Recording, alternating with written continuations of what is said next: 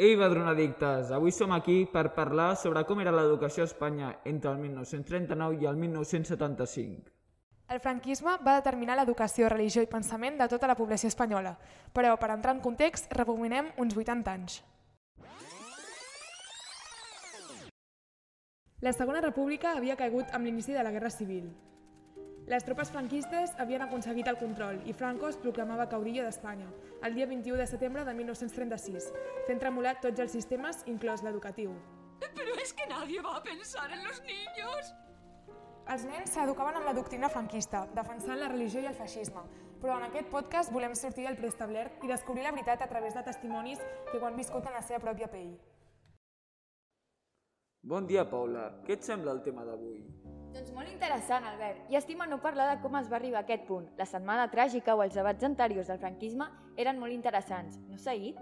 Suposo. Per a mi el franquisme ja em sembla prou interessant. Trobo fascinant el, el canvi que va afectar a tota la població espanyola. A més a més, crec que en Dani té molta informació. Sí, des de petit n'he estat interessat, i per tant crec que en sé bastant. Però no hi ha hagut millor manera de començar el podcast que amb la introducció a la Núria. Gràcies, però per entendre-ho millor, escoltem aquest context històric que ens explicarà la Paula. El franquisme va ser un règim polític autoritari i dictatorial vigent a Espanya entre el 1939 i el 1975. L'època del franquisme va néixer amb la victòria militar a la Guerra Civil Espanyola. Aquesta guerra va començar després de cinc anys de república i va enfrontar el bàndol nacional i el bàndol republicà. Aquesta dictadura es va basar en el lideratge del general Francisco Franco Mamonde i el seu poder es va basar fonamentalment en el control de tots els resorts de l'Estat, cap d'Estat, cap de govern de l'únic partit, que era el Movimiento Nacional, i de l'exèrcit. Aquest règim polític va ser molt característic per el capdillisme, que consisteix en seguir la figura del líder, la concepció unitarista centralista de l'Estat, és a dir, que Franco va intentar espanyolitzar-ho tot, la repressió constant planificada contra el bàndol del sud, és a dir, contra els republicans, el control dels mitjans de comunicació, és a dir, la censura de qualsevol diari, ràdio i televisió, i l'integrisme catòlic, és a dir, que el franquisme i la religió anaven agafats a la mà. Aquest fet històric es va dividir en tres etapes diferents. La primera fase va ser la totalitària, que va durar del 1939 al 1959.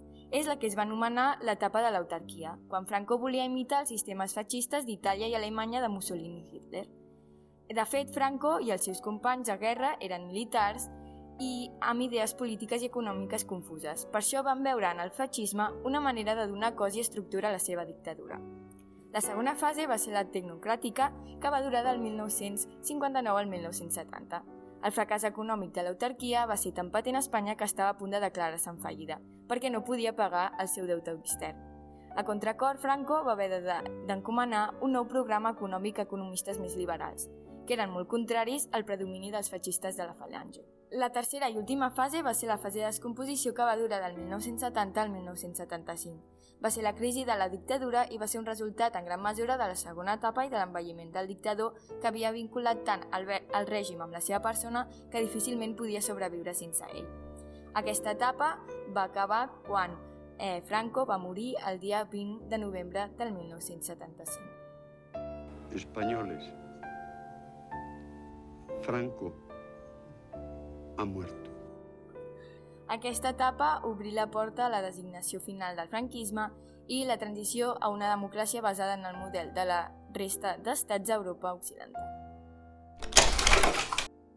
Uau, quanta història en tan poc temps. Com es nota que t'ho has preparat bé. Però per fer-ho més amè, parlem de quelcom que ens quedi més proper, com aquesta escola. De fet, Badruna ha viscut durant el franquisme. Tot i que els seus orígens eren com a residència d'àvies, va passar a ser una escola femenina l'any 1870, amb set monges al capdavant. Des del seu origen ja era una institució que formava part de les Carmelites de la Caritat. El majestuós edifici original es va mantenir fins fa un parell d'anys, quan es va enderrocar, conservant només la paret exterior de la planta baixa i destruint la resta de l'edificació centenària. L'escola només ha patit dos grans moments en el que el professorat ha decidit tancar-la.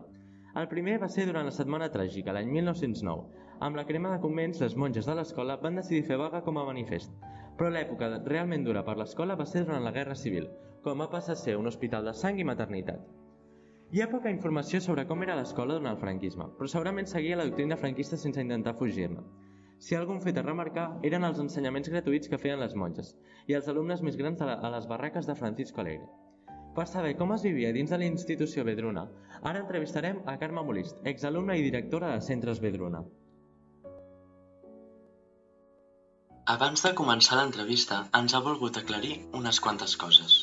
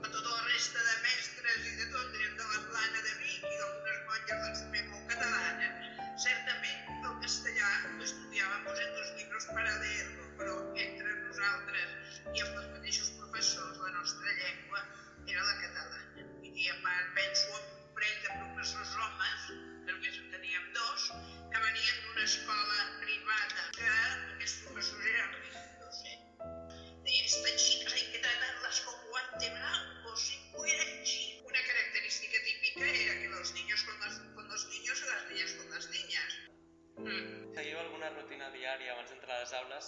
A veure, nosaltres, en la meva escolaritat, eh, nosaltres no cantàvem cares al sol ni res de tot això de l'espíritu nacional ni això. Sí que ho feien a la pública, a la nacional. Gent que ha anat a l'escola franquista, però això, que cantaven el cara al sol, que els pagaven amb un regle. Jo això no he viscut. De veritat que crec que l'escola Badruna ja tenia tota una altra característica diferent d'altres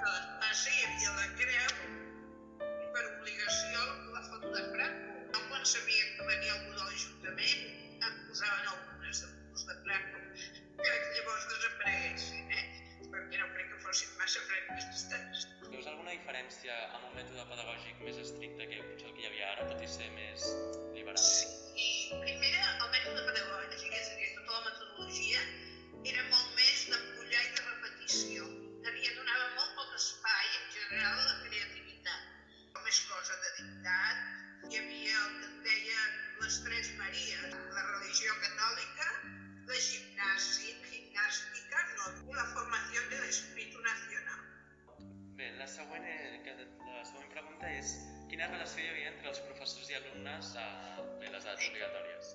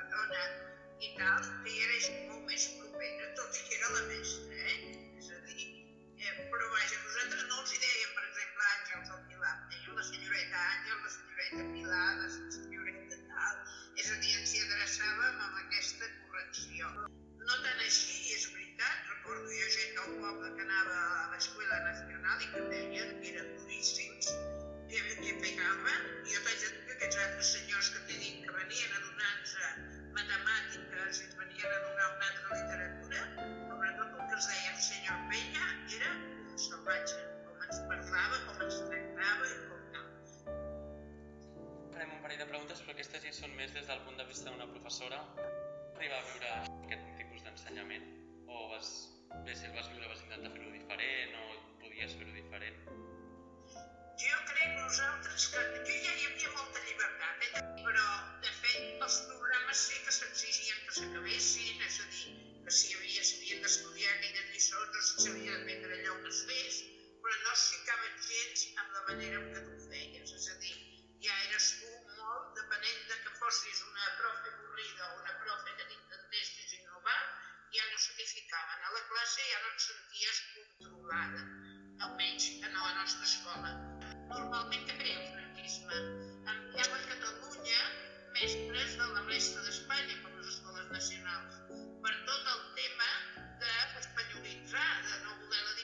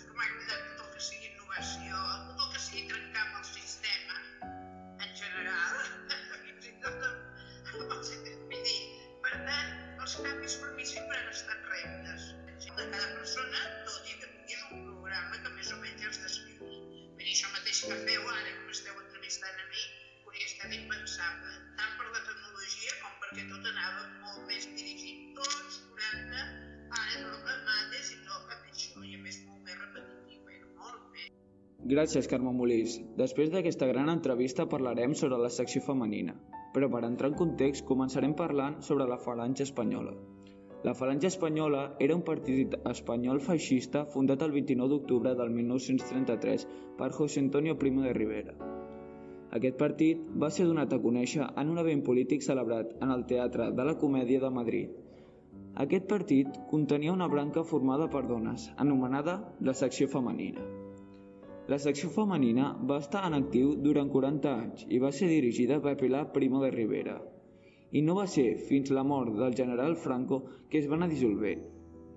Aquesta secció era l'encarregada de controlar la vida de les dones, és a dir, educar-les, formar-les i adoctrinar-les, i així educar dones de la llar, és a dir, una dona que s'encarregava de cuidar els nens, fer les tasques de la llar, estar pel marit i tenir fills. Per aquesta raó va modificar l'educació de les dones, va separar els nens i les nenes, a les dones les educaven per complir les tasques de la casa i per cuidar els nens, i no centraven en l'educació intel·lectual. Només els nens podien seguir els seus estudis. Això va causar que les dones sempre depenguessin d'algú, de petita del pare i de gran del marit, com si fos una propietat. Però aquesta secció va fer que el pensament masclista augmentés a la població i eh, fins avui en dia que encara està vigent.